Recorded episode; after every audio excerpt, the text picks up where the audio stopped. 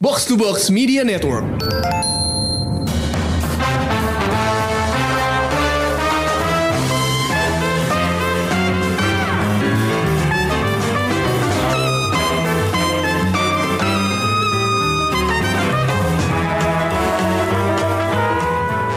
Halo, selamat datang di Showbox Podcast dengan gue Lisa. Dan gue Amy. Hai hai, kita ketemu lagi dan kali ini eh, di minggu terakhir atau kedua terakhir sebelum PSBB berakhir. Amy lo ini gak sih lo excited? Are you excited? Eh, atau lo malah eh, ngeri karena eh, PSBB mau berakhir? gue justru merasa agak cemas PSBB mau berakhir karena setahu gue pandemi ini belum berakhir kan. Eh, memang di Jakarta konon angka angka penyebarannya sudah menurun. Tapi kan who knows ya. Maksudnya a- apakah angka penyebaran yang disebut sudah menurun itu bener angkanya segitu atau enggak? Hmm, ya gue nggak tahu. Jadi kalau gue sih pengennya gue gue bukannya nggak nggak mengerti eh, sudut pandang pihak-pihak yang eh, pengen PSBB ini segera berakhir. Cuman concern gue adalah kalaupun eh, PSBB-nya diakhiri dan orang-orang bisa kembali kerja dengan normal, balik ke kantor, apakah eh, sudah siap gitu infrastrukturnya untuk di apa ya untuk menangani eh, masa yang bakalan keluar lagi dari rumah-rumah gitu. Hmm. Gue cuman gue cuman mikirin itunya aja sih, mikirin Ya. apa apakah kendaraan umum kita siap menerima masa sebanyak itu, transportasi umumnya bersih apa enggak. Masalahnya kadang-kadang gue ngelihatnya cuman jadinya kok ini orang-orangnya yang konyol ya gitu. Jadi gue ah, nggak tahu deh. Emang di negara yang eh, padat ini banyak kelakuan orang aneh-aneh gitu ya. Jadi eh, gue sih sekarang sudah mulai kayak eh, ngajak orang rumah gue untuk eh, literally punya protokol sendiri. Jadi kalau em, jadi emang kalau nyampe rumah nggak ke mana-mana langsung ke. Untungnya ada kamar mandi yang lokasinya lumayan deket pintu masuk. Hmm. Jadi eh, langsung ganti baju segala macem. Jadi sebelum kerja kita udah naruh baju di depan-depan situ. Jadi kalau pulang langsung ganti di situ. Atau kalau mau langsung mandi juga nggak apa-apa. Dan ya udah ngantri sebelum sebelum beredar ke isi rumah karena di rumah gue eh, lumayan banyak orangnya. Eh, Oke, hari ini kita bakal eh, ngebahas eh, sebuah series yang eh, dibintangi oleh bintang Marvel juga. Jadi kalau episode kemarin kita ngebahas soal em, filmnya Chris Hemsworth, eh, apa eh, Extraction yang juga di net, yang ada di Netflix. Eh, kalau sekarang kita bahas eh, Chris yang lain. Eh, Chris Evans yang jadi bintang di series di Apple TV judulnya Defending Jacob. Eh, Amanda, jadi eh, favorite Chris lo siapa? Ah, kalau lo disuruh milih antara Hemsworth dan Evans, jujur. Gak gue boleh lama jawabnya, biar nggak mikir. Oh, gue nggak akan lama karena gue dari Oke. dulu adalah penggemar uh, Chris Evans. Gue Oke. uh, gue bahkan menyukai dia waktu dia masih main film tolol-tolol seperti seperti Cellular. Lu- Kalau lo masih ingat film Cellular di mana dia Oh menjadi frat boy yang Oh ngebantuin God, yes. perempuan diculik. Itu gue udah suka sama dia dari situ. Yes. Dan Jadi waktu gue eh, berusaha membujuk Emmy untuk nonton Defending Jacob, gue bilang, lu bayangin Chris Evans yang filmnya goblok-goblok, terus tiba-tiba dia main jadi seorang ayah dan eh, anaknya jadi terdakwa gitu. Sebenarnya yang eh, yang menarik gue ke serial ini bukan hanya Chris Evans-nya, tapi sutradaranya Morten Tildum kan. Dan gabungan antara Chris Evans yang juga disebut sebagai eksekutif produser kan di serial Defending Jacob ini dan Morten Tildum itu sangat menarik buat gue. Nggak mungkin gue lewatin. Jadi ya pencet trial Apple TV. Nanti kita kasih tipsnya ya gimana orang bisa nonton ini tanpa bayar Apple TV karena ada trial tujuh hari. Jadi eh, lo nonton sekarang nih lo udah dapet episode terakhirnya. Eh, sekarang adalah waktu yang tepat untuk nonton. Tapi sebelumnya kita dengerin dulu eh, trailer dari hmm, Defending Jacob. It's nothing worse than a kid. We have some bad news on the case. The print you lifted from the victim is from your son. There's got to be an explanation. They go to the same school. Jacob's in his class. Yes, we know that. Lynn, have you arrested my son? Nah, itu dia tadi trailer dari Defending Jacob. Eh, jadi ini sebenarnya series yang di yang dibuat oleh oleh Apple TV dan eh, ini ten- eh, dibintangi sama Chris Evans, eh, Michelle Dockery dan juga eh, anaknya Jaden Martell dan juga ada J.K. Simmons sebagai ayahnya Chris Evans. Eh, ceritanya tentang eh, anaknya Chris Evans dan Michelle Dockery, eh, namanya Jacob dan dia ini jadi tertuduh kasus pembunuhan teman sekelasnya gitu.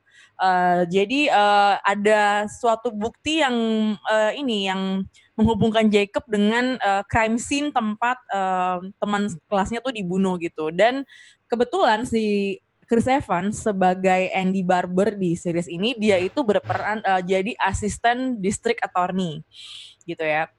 Iya, Michelle Dockery sebagai istrinya Laurie Barber dia tuh kayak guru di sebuah sekolah kayaknya TK ya Amanda ya? Itu kan Um, itu kayak gitu kan. kayak gue nangkepnya justru itu tuh kayak group home. Apa ya? Eh, mungkin tempat penampungan anak? Kayak iya iya semacam iya, daycare? I don't know. I'm not Kayak quite yeah gitu I'm not lah. quite Iya, clear iya, on that actually. Iya iya. Oke nah itu eh, itu eh, memang di sini eksekutif produsernya eh, s- eh, ada Chris Evans juga ada Morton Tildum juga yang juga jadi sutradaranya. Nah ini adalah eh, ketika gue denger ini Morton Tildum yang bikin Imitation Game terus gue eh, gue percaya ya setiap project kalau sutradaranya bagus dia akan ke bawah bagus gitu. Dan eh, kebetulan gue se- eh, setelah nonton Defending Jacobs ini gue dengerin interviewnya eh, Chris Evans dengan Hollywood Reporter Eh, di situ dia bilang gitu kalau dulu tuh ya dia mengakui film dia tuh ada yang ancur-ancuran segala macam dan eh, kalau lo lihat filmografi dia di em, di Wikipedia itu kan banyak banget ya dan film-filmnya tuh kadang-kadang bahkan ada yang kayak Fantastic Four yang nggak nggak patut dibahas sebenarnya. Eh, cuma di wawancara itu menarik banget dia bilang eh, jadi gue belajar di karir gue kalau gue itu harus eh, ngikutin sutradara. Jadi gue nggak boleh mentingin ego gue, walaupun gue bisa identify dengan suatu project, walaupun gue suka banget perannya.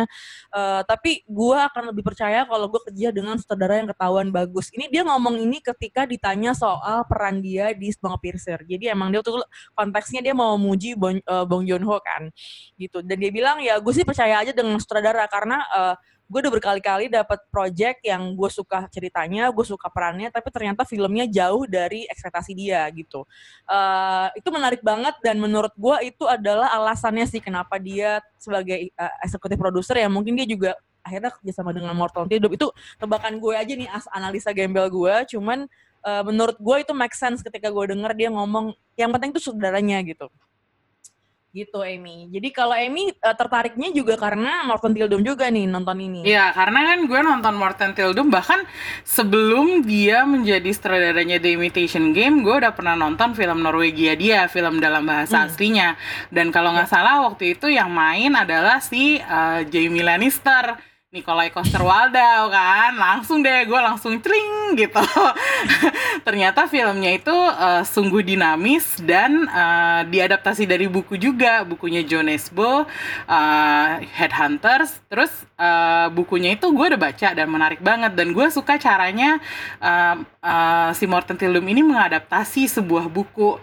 Memang sih kalau kita bicara adaptasi itu nggak sepenuhnya visi sutradara ya. Karena ada kiprahnya si penulis juga Uh, yang menarik se- pada saat gue research tentang uh, Defending Jacob adalah ini salah satu serial Amerika yang single writer, single director. Jadi hanya ada satu sutradara sepanjang 8 episode dan Ya. satu writer yaitu Mark Bombeck. Dan Hmm. uh, Dan dia juga EP di Iya, eh, di uh, Defending Jacob. bahkan uh, kalau nggak salah uh, Mark Bombeck ini dapat kredit sebagai showrunnernya jadi dia yang Hmm. running the show gitu dan um, genesisnya si siapa namanya Mark Bombeck untuk uh, proyek ini juga lumayan menarik karena sepertinya tadinya buku Defending Jacob yang ditulis oleh William Landay itu bakal diadaptasi jadi film dan udah ada screenwriternya yang nulis eh, film-film Harry Potter, Steve Close. Nah, ternyata proyek itu gagal kan, dan akhirnya eh, production house yang megang opsi eh, dari eh, si buku ini ngirim ke Mark Bombeck yang langsung tertarik. Mark Bombeck langsung cari-cari sutradara nih, ternyata dapat Morten Tildom. Dan ini tuh kayak kalau menurut gue kayak eh, beneran kayak apa ya momentous banget gitu kayak harus orang-orang ini yang ngerjain gitu kayaknya Ya. jadi gue sangat tertarik eh, dengan em, genesis awal dari proyek ini juga yang eh, terus akhirnya mereka kontak Chris Evans dan ngajak dia untuk jadi headlinernya kan dan ternyata it all fits gitu setelah gue lihat hasilnya oh memang harus orang-orang ini yang bikin gitu Hmm. Ya, ya, ya, ya. Oke, eh, ini sekarang kita eh, ngebahas mm, Defending Jacob non spoiler dulu. eh, buat yang belum nonton dan kayaknya apaan sih ceritanya gitu ya. Hmm. Tadi gue udah sebut sinopsisnya eh, tentang seorang eh, dua seorang pasangan yang anaknya jadi tertuduh kasus pembunuhan dan anaknya tuh masih SMP gitu ya. Eh, tapi sebenarnya ini tentang apa sih seriesnya? Jadi kayak kalau lo mau nge-pitch eh, nonton dong ini gini. Kalau gue sih menurut gue ini tuh sebenarnya tentang bagaimana eh, seorang pasangan suami istri yang lagi berkonfrontasi dengan kenyataan apakah anak kita itu bisa jadi pembunuh gitu. Eh, karena eh, sepanjang series itu yang gue dapet apa sebuah dilema gitu ya apa eh, dari dari segi bapaknya apakah percaya apa enggak sama anaknya ibunya percaya apa enggak sama anaknya gitu karena eh, kalau lo lihat kelakuan si Jacob dia tuh kayak nggak mau di defend sebenarnya ya. Banyak banget blundernya bos. Gue pusing. Eh, dia tuh banyak melakukan kesalahan-kesalahan yang harusnya nggak dilakukan seseorang yang lagi jadi eh, suspek dalam kasus pembunuhan. Nah itu eh, bisa lo tonton di seriesnya. Cuman cukup cukup bikin gemas gitu. Nah eh, kalau lo kalau gue biasanya tertarik nonton film eh, kayak true crime true crime atau crime series lah. Ini kan bukan true crime karena bukan berdasarkan kisah nyata. Tapi gue tuh sebenarnya suka kalau seriesnya kayak whodunit gitu. Nah ini tuh a little bit kayak whodunit karena kita jadi bertanya-tanya apakah bener Jacob yang ngebunuh atau enggak. Nah, tapi sebenarnya intinya yang tadi gue bilang sih, apakah eh, kalau apa ada anggota keluarga lo yang jadi suspek, lo percaya apa enggak nih kalau dia itu bersalah atau at- eh, membunuh orang gitu kan? Nah, itu menurut gue eh, studyin karakternya itu adalah alasan kenapa Defendant Jacob tuh beneran sangat menarik buat ditonton gitu. Eh, jadi ketika di bagian episode awal tuh ya, jadi ini kan pertama kali tayang tanggal 24 April di Apple TV. Sekalinya tayang tuh langsung tiga episode. Jadi waktu itu gue lagi eh, kebetulan lagi trial Apple TV dan eh, sehari sebelum trial gue ter- berakhir tuh keluar tuh tiga episode ini dan gue nonton semuanya dan gue yang kayak damn kalau gitu berarti gue harus langganan dong bulan depan ketika eh, ketika si seriesnya ini udah nyampe eh, finale gitu. Nah, eh, jadi ini se- sebenarnya emang menunjukkan gimana orang-orang yang lagi dalam kesusahan, bagaimana mereka mengambil keputusan-keputusan gitu. Dan dan menurut gua eh, kalau lu pun nggak tertarik dengan crime series yang kayak dilema-dilema kayak gini sebenarnya cukup menarik buat disimak sih. Kalau Amy gimana? Tanpa spoiler dulu nih Amy. Kalau gue eh, tertarik banget eh, dengan eh, fakta bahwa pasangan ini tuh relevan banget ya. Maksudnya, oke, they're white people and they have white people problems. Cuman eh, apa namanya? Kalau kita ngelihat, it could be any one of us gitu. Dan ini tuh yang bikin menarik adalah eh, usianya aktor-aktornya tuh kan gak jauh beda ya dari gue gitu. Kayak Chris Evans eh, sama Michelle Docker itu lahirnya tahun 80-an juga. Terus em, apa mereka eh, sudah punya anak remaja yang sebenarnya belum eh, late teens, masih early teens gitu. Em, gue suka cerita eh, keluarganya karena cerita keluarganya mereka tuh unik banget. Uh, gue nggak mau terlalu banyak ngomongin tentang sifat-sifatnya ketiga anggota keluarga Barber ini karena gue mau save buat sesi spoiler nanti. Uh, Yes. Tapi uh, untuk mereka yang suka cerita-cerita tentang family dynamics, uh, bagaimana sebuah keluarga tuh menangani uh, tragedi atau uh, sebuah kasus yang bikin hidup mereka upside down. Ini tuh menarik banget dan uh, terasa yaitu relevan gitu. Gimana sih kalau misalnya kita lagi kena uh, anggota keluarga kita tuh dituduh melakukan sesuatu, nggak harus pembunuhan deh, apa misalnya nilep duit gitu misalnya. Itu tuh uh, cara mereka berinteraksi tuh kayak bikin gue bentar lagi manuvernya apa nih? Bentar lagi bapak ini akan melakukan apa? Bentar lagi ibu ini akan melakukan apa gitu. Dan Jacobnya sendiri juga bisa dibilang ya masih remaja bodoh ya, maksudnya kayak apa ya? Uh, menarik juga untuk ngelihat si Jacob nih bakal mengacaukan investigasi atau upaya-upaya orang tuanya kayak gimana lagi gitu.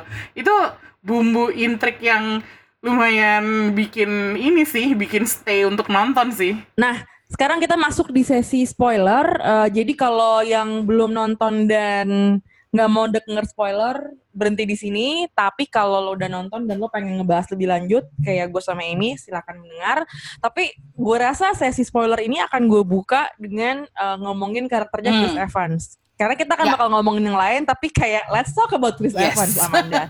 Karena karena uh, ketika Emmy baru di episode berapa ya? Dua atau tiga kan gue nanya kan jadi lo udah sejauh mana nonton dibanding Jacob? Karena besok finalnya keluar. Terus dia kayak oh my god gue uh, gue stres karena di sini Chris Evans depressing banget. Coba lo cerita dulu sebenarnya kata-kata gue waktu itu Chris Evans nggak ganteng di sini. Jadi gue agak-agak in denial bahwa ada satu seri masa sih dia nggak ganteng? Oh my god gue ngeliat Chris eh gue ngeliat Michelle Dockery muluk-muluk dia aja yang kayak wow! Serius deh Liz di sini tuh dia kayak entah kenapa auranya fatherly banget sampai gue tuh kayak nggak ngeliat appealnya gitu.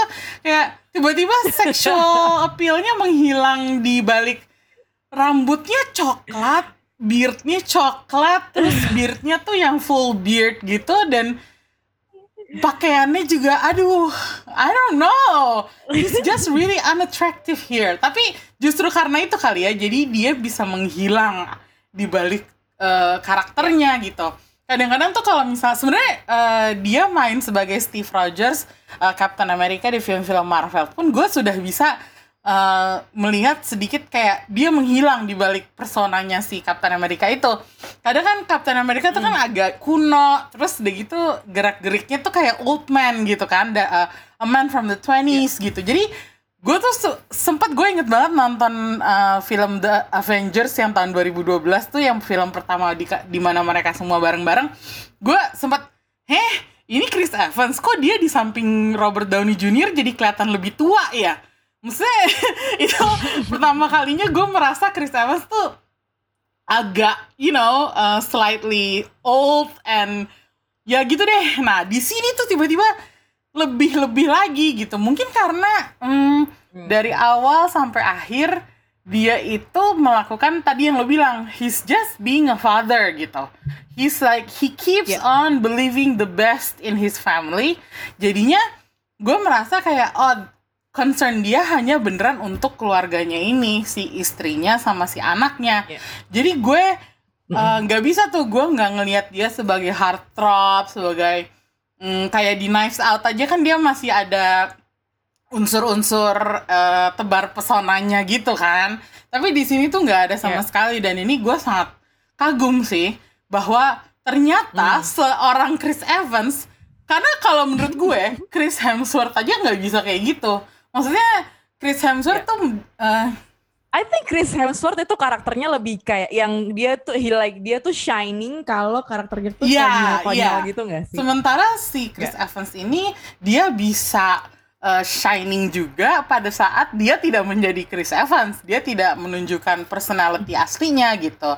Uh, I'm not saying yeah. his acting is a whole lot better, tapi harus diakui di sini dia lumayan impressive karena Hmm, ya itu dia. Uh, dia beneran menjadi uh, si Andy Barber. I was looking at Andy Barber the whole time. I was not looking at Chris Evans. Iya. Oke, okay, uh, jadi tuh kalau menurut gua, memang di sini tuh dia uh, like dia tuh a rock of the family gitu. Jadi dia ngerasa like he needs to hold on to everything biar uh, dia keeping the family together gitu ya. Jadi he's just consistent as being a dad gitu dari awal. dia- dia- jadi gue tuh ngelihatnya bener-bener dia kayak nggak anak gue nggak Hmm. salah pokoknya gitu. Uh, and then later on uh, kita tahu kalau ternyata dia punya uh, Andy uh, uh, karakternya Chris Evans itu punya masa lalu yang gelap dan ternyata bapaknya yang diperankan J.K. Simmons ternyata seorang pembunuh gitu dan dipenjara dari uh, Andy kecil. Bukan cuma pembunuh tapi juga Hmm. pemerkosa gitu kan. Jadi memang kayak udah kayak ya udah emang bener-bener pure kriminal aja dan dan dia menolak eh, me- menghadapi kenyataan itu ketika anaknya eh, dihadapi oleh keadaan sulit kayak gini gitu. Jadi eh, ketika endingnya konsisten kayak gitu, eh, meanwhile Laurinya yang lumayan eh, jadi ber jadi curiga nih sama anaknya gitu. Eh, dan Jacobnya ya dia tipikal white kid aja gitu yang kayak I don't think he takes the whole situation Iya. seriously gitu. Iya, Dia iya. nggak ngerasa dia Iya. ya nggak sih I don't think he's like gue tuh nggak ngerasa dia tertekan gue nggak ngerasa dia eh, mungkin sedikit kesepian tapi dia juga kayaknya nggak terlalu peduli dengan teman-temannya gitu. Eh, karakternya emang agak-agak nggak menyenangkan ya buat di buat diikutin gitu. Nah kita dengerin dulu klip dari episode 4 karena klip ini tuh ketika mereka lagi makan bareng eh dan di sini bener-bener kelihatan eh, karakter masing-masing eh, tokoh ya dari yang bapaknya, ibunya yang reaktif banget dan anaknya tuh yang kayak bodoh amatan gitu gitu. Eh, kita dengerin dulu. Get why we have to do this every night. Eat? No, have this big sit down dinner. We never used to know like this. Well, you now. It's like we're trying to pretend we're normal. Is that so bad? It is when it's fake normal. Jacob, what do you want us to do? We've never been in this situation before. What does a parent do? Just tell me and I'll do it. You want to go for burgers at Lee's and have the whole town stare at us? That's fine. We can do that. No, I mean it. Maybe we're doing this wrong, acting like prisoners in our own home, sneaking out at all hours just to get a simple errand done. Just tell me what to do because I have absolutely no idea anymore. Okay? Nah itu kayak emang kelihatan ya kalau eh, Laurinya tuh kayak udah on the verge of breaking Hmm. down sebenarnya. Cuman eh, dia tetap kayak ya udah deh coba dulu, coba dulu, coba dulu. Sementara si eh, si Andy-nya tuh yang kayak apa sih? Ya udah ya santai aja gitu. Kita we can do this bareng-bareng kayak gitu. Kayak seolah-olah tuh kayak gitu. Dan Jacobnya yang kayak aduh gue males banget nih kayak gini-gini ngapain sih kayak gitu. Jadi emang eh, hubungannya tuh kayak emang gue tuh gemes banget ngelihat Jacobnya gitu karena yang kayak nyet lu nggak tahu orang tua lo susah banget mikirin lo gitu. Eh, menurut lo gimana tadi adegan Oh tadi itu eh, akan ada beberapa adegan lagi ya di belakang-belakang tuh ini baru kita ngon ngomongin episode 4 ya. Eh, itu pertama kalinya gue ngeliat bahwa family dynamics keluarga Barber tuh seperti itu gitu. Bahwa bapaknya itu mm, solid, stalwart, dia emang nggak goyah selama eh, selama kasus ini berlangsung. Eh, Lorinya yang eh, cepet banget eh, berubah pikiran. Gue nggak bilang eh, dia itu apa ya? Gue nggak bilang dia nggak normal karena siapa pun pasti akan stres dan pada saat stres reaksi orang tuh bisa beda-beda kan. Kita juga nggak tahu kalau misalnya kita dihadapkan ke stres tuh apa yang akan keluar dari kita. Kita bisa jadi gila banget atau kita bisa jadi justru malah menutup diri banget gitu. Tapi si Lori ini tuh menarik karena em, gue tahu she's only uh, doing her best, she's being completely human, tapi entah kenapa it takes me off. Gue tuh nggak ngerti kenapa gue nggak merasa simpatik sama sekali sama Lori. Mungkin karena gue nggak setuju dengan apa yang dia dia lakukan gitu, kayak confrontational banget Hmm. gitu kan uh, apa? em, anaknya kan cuma ngomong gue nggak ngerti mah kenapa kita harus gini padahal kita tuh juga nggak normal sementara si suaminya udah yang eh, tenang tenang gitu Eh, tapi dia tuh kayak emang lo mau kalau misalnya kita keluar terus kita diliatin sama satu kota? Kayak kenapa harus meledak gitu? Jadi ya itulah. Kayak menurut gue ini tuh sepanjang serial dinamika ini tuh yang makin lama tuh makin keluar gitu. Dan I'm concerned about Lori sebenarnya. Kayak uh, dan itu akan di just justified uh, concern gue uh, tentang Lori di episode terakhir. Nanti kita bakal ceritain kenapa gitu. Maksudnya ini tuh uh, keluarga yang kalau menurut gue uh, nggak gue nggak bilang nggak unik tapi dibilang unik banget juga enggak karena reaksi ini tuh uh, gue belum pernah lihat di banyak drama lainnya. Kadang kalau misalnya kita nonton drama keluarga di saat ada tragedi atau ada musibah atau uh, kasus kan reaksinya didramatisir. Kalau menurut gue ini reaksinya cukup natural gitu. Jadi ya gue seneng sama um, defending Jacob nih memperlihatkan gimana sih keluarga itu bereaksi uh, tapi juga nggak berlebihan gitu loh sekarang kita lanjut aja langsung ngomongin ketika uh, mereka ini bener-bener lagi dalam keadaan sulit uh, di episode 7 di episode 7 tuh digambarin kalau memang uh, mereka nih merespon kejadian ini dengan cara yang berbeda. Ini uh, adegannya pilihan Amanda nih. Kenapa lo milih adegan ini Amanda? Hmm, karena di sini kita udah bener-bener ngeliat setelah mereka go through a trial. Jadi beneran udah ke pengadilan, dan uh, ternyata di pengadilan itu diungkapkan suatu rahasia yang selama ini uh, Lori dan Andy tuh ya Lori terutama nggak tahu gitu dan reaksinya Lori hmm, cukup eksplosif makanya gue pilih adegan ini karena gue pengen ngasih lihat gue pengen uh, gue pengen nunjukin uh, gimana si Lori itu menanggapi uh, the whole case gitu ini kayak beneran inilah momennya Lori kalau menurut gue. Oke, okay, kita dengerin ya uh, klip dari episode 7.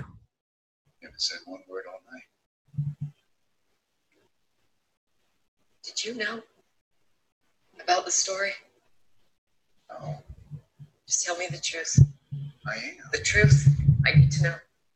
Lori, I swear, I'm telling you the truth. What about the website? The cut up room?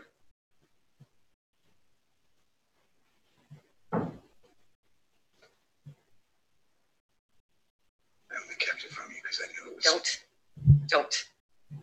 Don't want it. Explain it away like you do everything. Excuse it away. I knew it would set you off. You were already half convinced that Jacob was guilty. I didn't want to ask. Not anymore. Nah itu dia tadi memang dia udah kayak mau nangis gitu ya si Lori kalau kalau lo lihat tuh mukanya kayak udah mau ngamuk tapi kayak mau nangis juga. Uh, coba uh, menurut lo gimana ke karakter Lori di sini?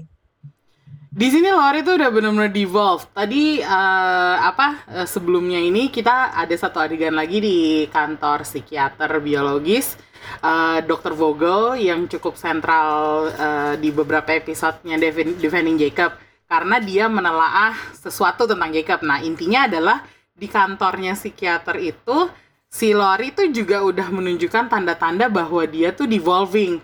Pertama datang ke kantor itu dia kalem. Terus lama-lama makin makin kacau makin berantakan penampilannya. Terus tiba-tiba dia breakdown dan nangis di kantornya si dokter Vogel itu. Ini tuh udah bener-bener dia udah kayaknya udah di di ujung tanduk banget dianya nih sekarang. Kayaknya dia udah nggak bisa. Dia bahkan udah menyatakan dia nggak percaya lagi sama anaknya. Dari yang tadinya dia masih kayak iya nggak ya? Iya nggak ya? Terus kan dia banyak flashback adegan ke masa kecilnya Jacob um, yang menunjukkan seakan-akan uh, oh ternyata anak gue capable of uh, wanting to harm other kids. Dan kayaknya tuh dia itu tuh uh, emang selalu dihantui sama kenangan itu gitu sampai akhirnya dia di sini ngaku kan dia bilang ke si Andy not anymore dia udah nggak percaya lagi apa ya. yang Jacob bilang gitu. Jadi itu di adegan ini, gue, Iya di adegan ini dia lanjutnya ngomongnya uh, Lauri ngomong enggak gue nggak percaya sama Jacob not after today. Jadi setelah ada artikel bukan artikel ya sebenarnya cerita fiksi yang nggak tahu fiksi atau enggak gitu uh, cerita tentang pembunuhan yang mirip banget dengan kasusnya si uh, Ben Rifkin ini yang kebunuh teman kelas uh, teman sekelasnya Jacob. Dan itu sangat uh, semua orang yang ketika dengar cerita itu yang kayak ya ini sih beneran Jacob ini yang dia tuh sebenarnya basically lagi ngaku kalau dia yang ngebunuh Ben Rifkin gitu. Dan Lauri termasuk orang yang akhirnya kebawa ke narasi itu. Ya bener gak sih? Iya, dan dia ya udah dia udah nggak kalau menurut gue itu agak uh, semacam apa ya semacam eh, Lori mengatakan bahwa gue udah nggak bisa relate ke anak gue. Gue udah gue udah nggak bisa mahamin dia lagi dia udah salah. Hmm. dan di sini nggak tahu kenapa eh, pada saat dia ngomong itu I knew it was coming tapi gue tetap aduh Lori lo jahat banget sih sama anak lo sendiri? Gitu. Mhm. ya gue tahu sih kayak Jacobnya juga nggak menyenangkan Jacobnya banyak melakukan hal-hal yang questionable juga cuman you're you're the kid's mom gitu loh jadi Ya. kayak ya, just say it Amanda, just say it. kayak lo tuh ibunya kenapa lo nggak bisa apa ya have a little faith gitu Ya. malah portrayal biasanya kan kalau kita nonton serial-serial crime eh, yang yang percaya banget sama si eh, Ibunya. Pelakunya itu biasanya ibunya atau istrinya gitu kan maksudnya kayak eh, para wanita tuh sebenarnya kayak apa namanya ya mungkin ada unsur eh, kasih sayang atau cinta yang eh, berlebihan gitu Ya. tapi di sini justru kebalikannya reverse gitu jadi kan bapaknya kan yang Ya. yang ya udah melakukan atau enggak gue tetap sayang sama Jacob gitu Mungkin ini karena Chris Evans jadi eksekutif produser, Michelle Becker enggak. Gitu, jadinya jadinya memang yang terlihat baik karakternya Chris Evans. Nggak tahu ini analisa gembel. Balik ya itu jangan itu itu analisa kita aja. Iya, kalau gue sih kalau gue sih gue, ju- soalnya kan ini Chris Evans yang punya project. Jadi ya dia yang terlihat bagus. Tapi itu itu itu itu it's like a really good point. I mean, is it because Chris Evans is a, an executive producer that they chose this way? Gitu? Emang ceritanya kayak Dude, gitu atau like post uh, Captain America dia butuh ini portfolio baru yang bagus aduh. Tapi apa pun lah alasannya, Iya. ya itu yang yang yang menurut gue sangat uh, intriguing dari Defending Jacob adalah role reversal itu antara Iya. bapak sama ibu gitu. Dan nanti ketika kita bahas endingnya, lo akan paham kenapa Laurie itu jadi highlight di episode di, Ya. di sesi non spoiler di sesi spoiler ini gitu ya. Cuman sebelum kita ngebahas ending, ini eh, yang menarik dari Defending Jacob menurut gua adalah eh, pembahasan nature versus nurture. Jadi ini Hmm. ada suatu aspek yang disebut jin pembunuhan, jin pembunuh ya.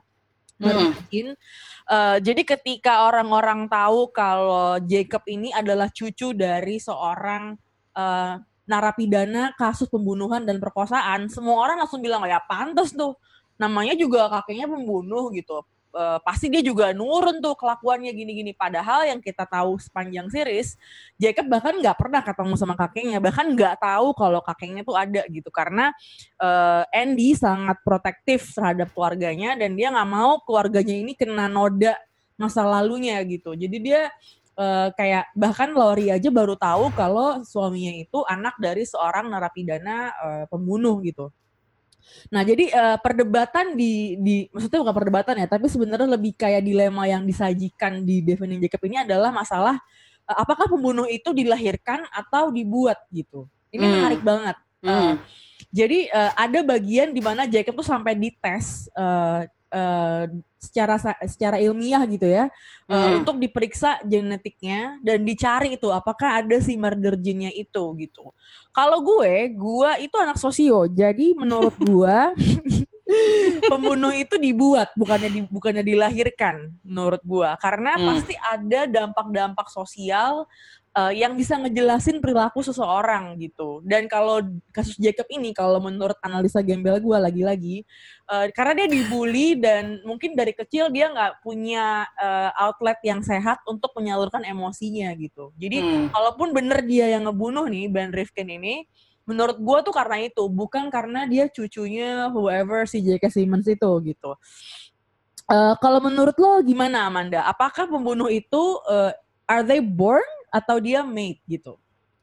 I'm uh, I don't have any apa ya beliefs uh, kalau menurut gue sih yang berpengaruh lebih ke nurture-nya ya yang seperti lo bilang karena uh, ya itu kayak kenapa sih uh, apa yang mendorong seseorang untuk membunuh gitu Ya. Hmm, kalau dalam kasus Jacob ini ya kalau kalaupun memang benar dia yang membunuh itu adalah karena pembulian yang tadi lo bilang itu itu memang uh, alasan kuat untuk kenapa orang bisa uh, apa namanya melakukan kekerasan kan apalagi di situ disebutkan bullyingnya si Ben terhadap Jacob itu cukup parah karena Ben ini ternyata the victim ternyata juga nggak innocent dia Yes. melakukan banyak hal yang sebenarnya jahat ke teman-temannya Iya. dan kalau menurut gue eh, agak susah aja untuk kayak meyakinkan orang eh, terutama juri di sebuah trial bahwa wah gara-gara kakeknya pembunuh dia juga jadi pembunuh nih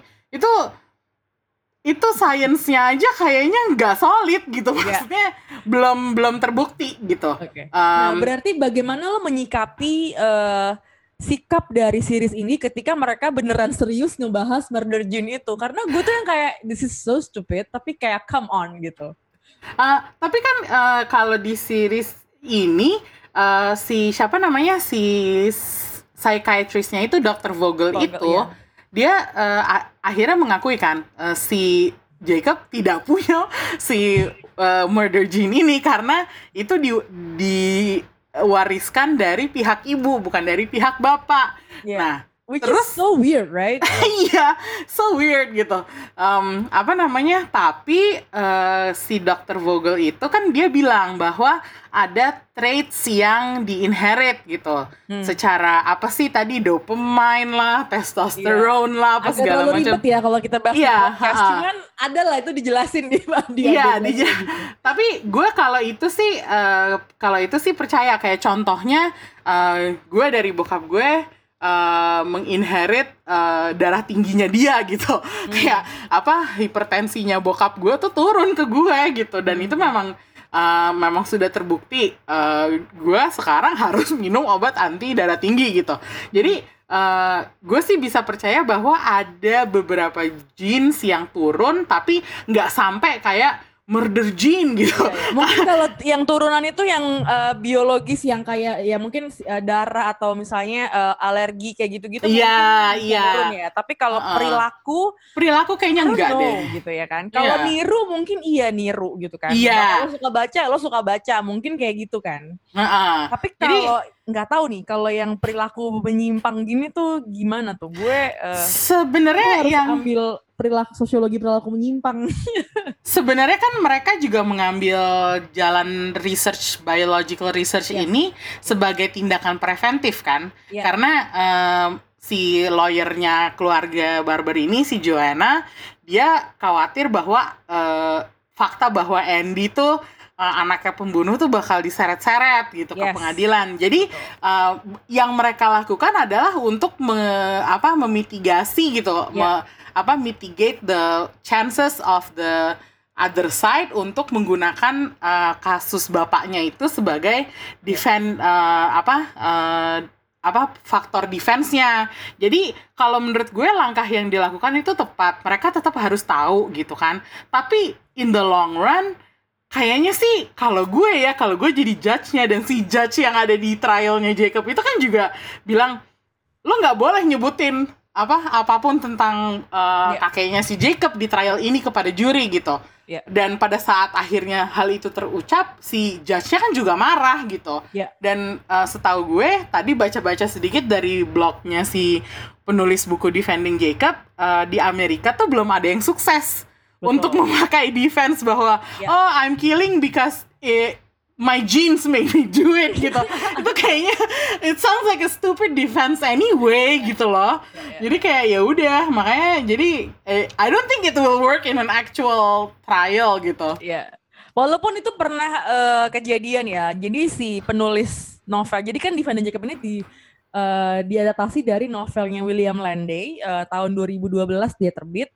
Eh, jadi tahun 2010 itu ada Mm-mm. kasus pembunuhan di Italia yang hukuman 9 tahunnya itu direduksi eh, karena dia appeal kalau dia bilang dia itu punya em, eh, gen eh, per- pembunuh namanya MAOA itu itu yang dipakai sama em, William Landay di, di di Defending Jacob gitu. Eh, cuman ya emang cuman jadi sekilas doang gitu kan. Tapi it's actually based on the real case di Itali. Jadi beneran ada yang hukumannya di dikurangin karena dia berhasil nunjukin ke ini ke Aduh. ke ke court ke pengadilan kalau dia ini beneran punya eh, secara genetik terbukti punya violent behavior gitu itu kayak wah gue nggak ngerti sih kalau itu terjadi di mana-mana mah itu gampang banget gitu tapi oke let's talk about the ending dulu kali ya Eh, karena kalau gue lihat tuh banyak Wah. yang gak suka dengan endingnya. Karena mungkin setelah tujuh episode orang mau jawaban yang pasti-pasti aja. Mereka mau puas dengan endingnya and then that's it gitu ya. Tapi kalau menurut gue, eh, Hmm. in this case itu kayak expected gak sih? Kayak lo bisa mengharapkan emang pasti mereka akan punya open ending. Cuman gue nggak tahu arahnya mau ke mana itu aja. Jadi ketika tiba-tiba Lauri ngajak awalnya gue kira Lauri itu bakal breakdown dan dia bakal bilang ke keluarganya eh, Ben Rifkin. Kalau Oh, sebenarnya eh, what's his name Leonard Pats adalah Hmm. orang yang ngebun bu- sebenarnya dia nggak ngebunuh Ben Rifkin tapi dia dipaksa untuk bikin surat pengakuan itu gitu. hmm. Gue kira itu yang bakal terjadi, tapi ternyata justru dia yang nabrakin mobil ketika eh, lagi ngajak Jake ke suatu tempat dan akhirnya emang kayaknya tujuannya emang buat ngebunuh anaknya karena dia tahu dia nggak akan pernah eh, dapetin kebenaran itu apakah benar anaknya pembunuh atau enggak. Eh, jadi akhirnya ditabrakin kayak gitu. Nah ini kan bener-bener twist yang tadinya judulnya Defending Jacob, endingnya adalah jadi apa? Jadi sebenarnya Laurie ini mau ngebunuh anaknya atau enggak gitu kan? Jadi eh, fokusnya tuh jadi berubah di akhir gitu. Eh, lo gimana menurut lo tentang ending ini? Karena kalau menurut gue ya itu sebenarnya almost expected, tapi it's it's kind of too much menurut gue. Karena eh, itu jadi steer away from the uh, main plot aja gitu. Yang harusnya kita harusnya kita ngomongin Ja- Jacob ini innocent apa enggak.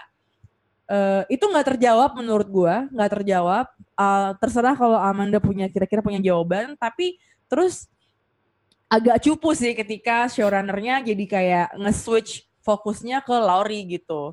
Dan mungkin di sinilah kita jadi paham kenapa Laurie itu di sepanjang series kelakuannya tuh kayak gitu, bukan seperti eh yang tadi Amanda bilang ya, eh, harusnya dia eh, unconditional love ke anaknya, apakah murder Hmm. atau enggak gitu. Tapi ini jadi kayak berbalik gitu kan. Nah, Heeh. gimana Amanda lo? Aduh, eh, sebenarnya gue nggak kecewa, gue nggak marah sama endingnya karena gue sudah me- mengantisipasi bahwa gue akan mendapat openly ambiguous ending. Um, gue pada saat gue nonton episode 8, gue udah tahu tuh something bad is gonna happen karena itu udah kelihatan banget dari behaviornya Lori selama uh, di episode ini gitu.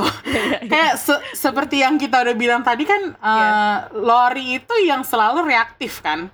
Iya. Dan uh, di episode 8 ini um, kita tuh dikasih lihat setelah trialnya over, setelah trialnya berakhir, hidup mereka tuh nggak balik normal. Mereka mau ngapain aja tuh juga tetap akan, you know, di Iya.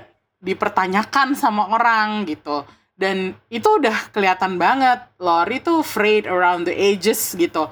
Dia udah beneran Wah, udah deh kayak suasana hatinya tuh udah kacau banget deh gitu. Jadi waktu mereka naik mobil terus dia mulai freak out gitu kan. Terus eh ini tuh kayak apa ya?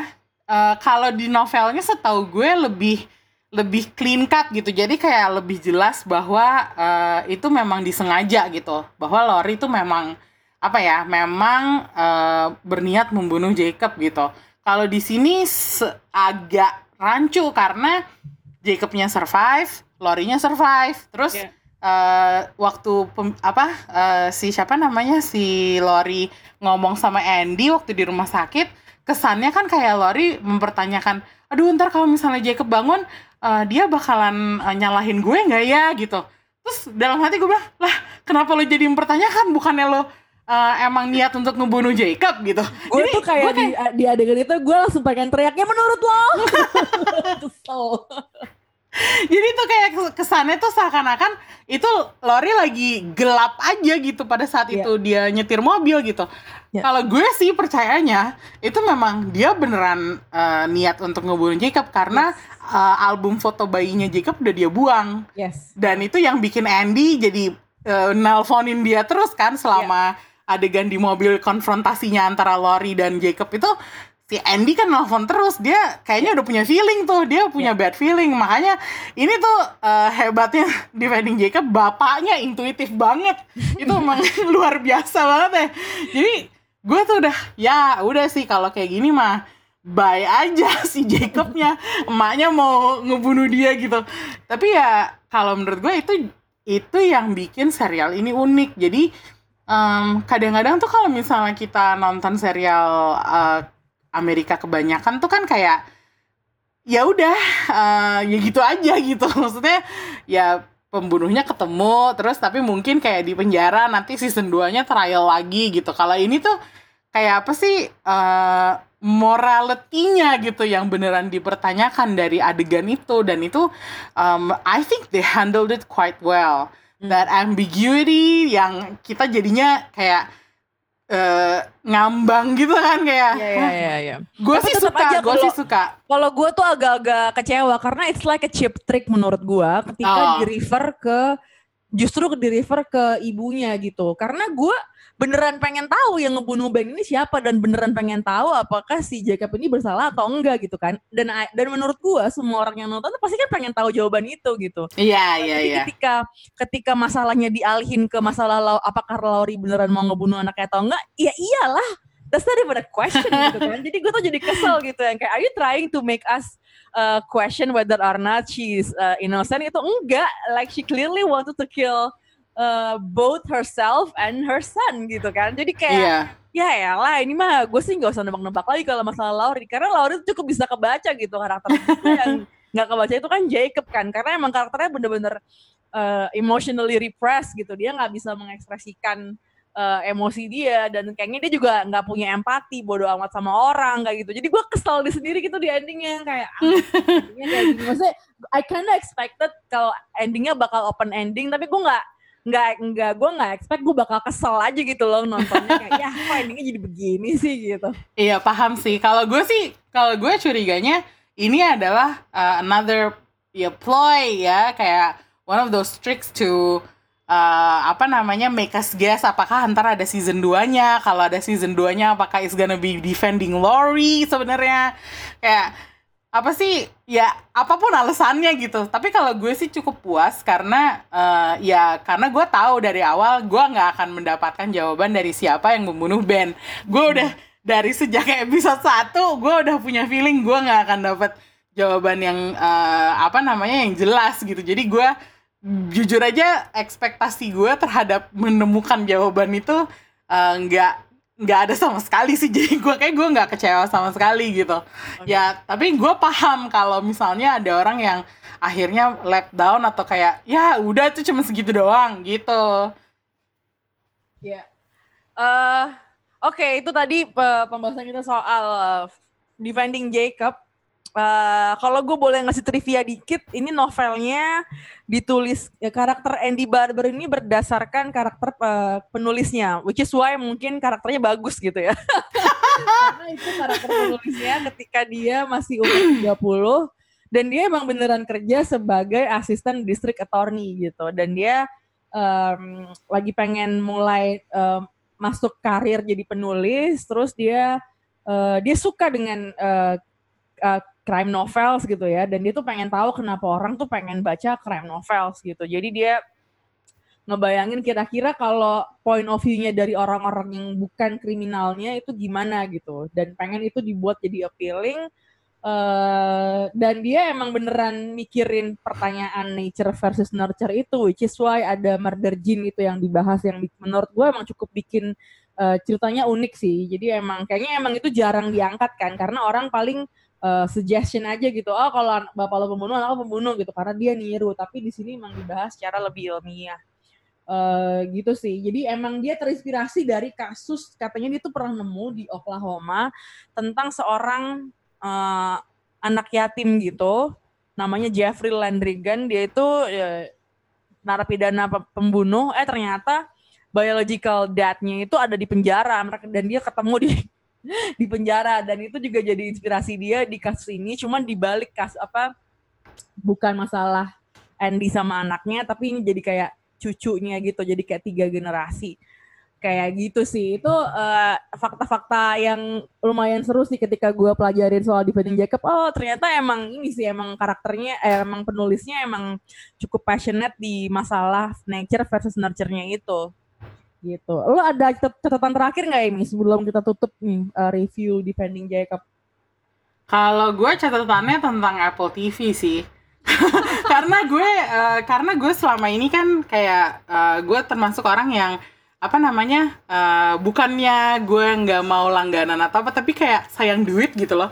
Jadi kayak eh, selama gue trial eh, Apple TV ini gue merasa eh, ini PR banget nih untuk yang apa namanya streaming streaming service yang baru mu- bermunculan yang bakal harus saingan sama Netflix karena kalau menurut gue untuk convenience dan ease of playing the videos, ease of streaming, Netflix mesti menang sih. Jadi gue kayak Setuju banget gue. I think I'm going to save my money for Netflix kayak mungkin upgrade ke kelas yang lebih tinggi daripada gue harus kayak apa namanya spend money untuk streaming service yang satu programmingnya tuh belum lengkap atau belum terlalu apa ya terlalu wow terus eh, maininnya rada susah memang kan kalau internet lo nggak stabil agak susah sih Apple Wah, TV iya buat banget, dimainin iya Cobaan banget kalau lo masanya lagi meleng dikit terus lo pengen eh, rewind 10 detik gitu ya. Wah, itu kayak bisa muter-muter-muter Hmm. gitu padahal kalau di Netflix tuh kayak lancar-lancar aja gitu. Jadi kayaknya emang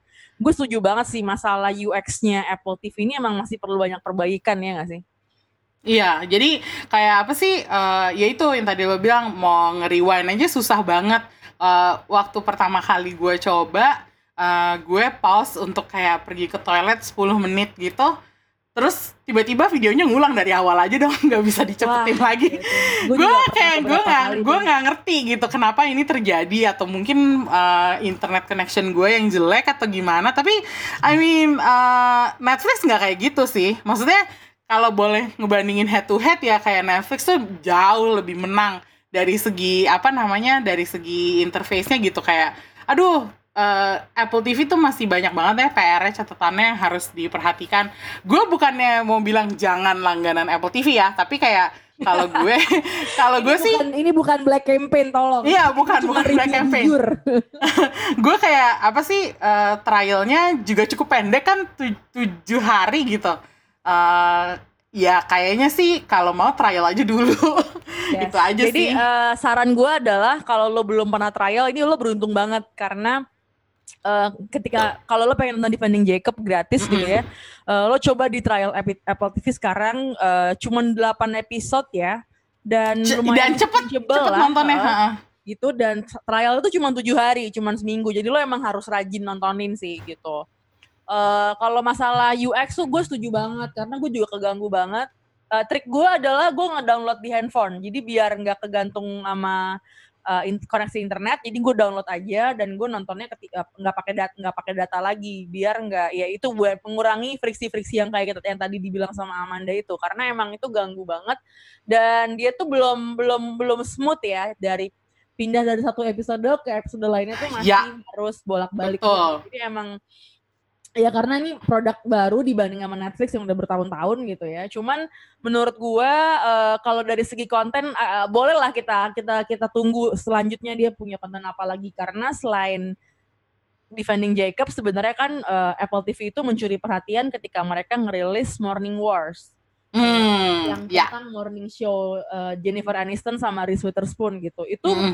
Gue baru nonton 5 episode ya sekarang karena eh, karena gue udah langganan lagi karena demi Defending Jacob ini. jadi gue jadi nonton si Morning Wars Morning Wars itu dan itu bagus banget dan kayaknya eh, Apple TV ini bakal jadi tempat buat aktor-aktor veteran ya baik itu TV maupun Ya. film eh, di project-project eh, idealis mereka gitu kayak gue Mm-mm. yakin banget Chris Evans pun eh, mikirin ini tuh mikirin banget nih project kayak Defending Jacob gini. Karena emang ya ini kan next portfolio dia setelah eh, keluar dari Marvel gitu ya. Dan kalau Jennifer Aniston kan memang dia udah nggak main lagi di film-film mid budget yang kebanyakan romcom gitu. Beberapa kali ada di net, eh, di Netflix film-film yang drama komedi eh, yang emang cuman satu setengah jaman kayak gitu. Terakhir yang sama Adam Sandler tuh yang jadi detektif itu lucu banget iya. Uh, I think Jennifer Aniston deserve uh, different roles dan itu terbukti banget uh, di Morning Wars itu. Itu bagus banget sih emang. Gue baru Hmm. lima episode tapi gue bisa rekomendasiin itu. Jadi kalau emang mungkin lo nggak tertarik sama Defining Jacob ya lo boleh coba sih. Morning Wars itu bagus banget. Dan yang Night Shyamalan juga yang Servant tuh bagus banget. Kalau- yang itu gue nggak akan nonton sih. lo gak akan nonton karena serem ya.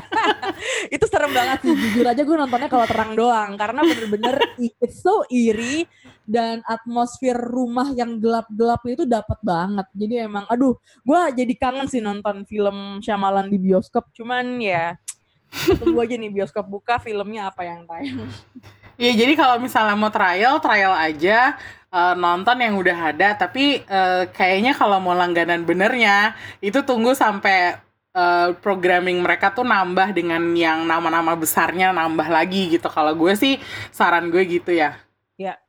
Eh, ini tuh kayak dulu Netflix baru mencuri perhatian dengan House of Cards itu kan ada Kevin Spacey Ya. kan.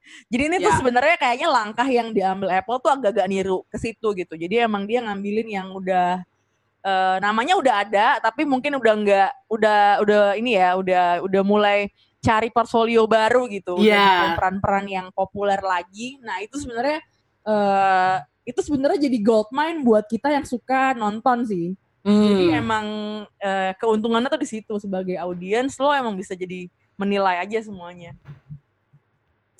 Eh, Oke, itu dia tadi pembahasan kita soal Defending Jacob lumayan panjang karena memang seriesnya menarik banget buat dibahas. Eh, thank you banget udah dengerin sampai hampir sejam nih ya kita ngomong-ngobrolin Defending Jacob. Eh, eh, M Amanda, makasih banget udah ikutan ini review. Next time kita bakal bahas apa ya? Belum tahu sih. Cuman pasti ada. Snowpiercer dong. Snowpiercernya Ya, Netflix kita dong. kayaknya bakal bikin eh, gimana kalau kita bikin episode bing- binge watch lagi kayak dulu Game of Thrones. Jadi Wah, menarik, menarik. Kita rekaman. Menarik, menarik tuh. Kayaknya bisa tuh. Ya, jadi kalau yang mau nonton Snowpiercer itu ada di Netflix ya. Baru dua episode, bener nggak? Iya, baru dua episode. Baru dua episode. Jadi Nungguinnya gregetan mah. iya kan, langsung tuh tiap minggu kita. Gue lumayan surprise sih ketika Netflix ngeluarinnya per mingguan lagi. Jadi ya udahlah, mungkin jadi kayak zaman dulu TV tapi jamnya bisa, jamnya bisa fleksibel nontonnya. Mm-mm. gitu. Oke, thank you banget eh, udah dengerin. Bye bye, sampai jumpa minggu depan. Bye. Bye.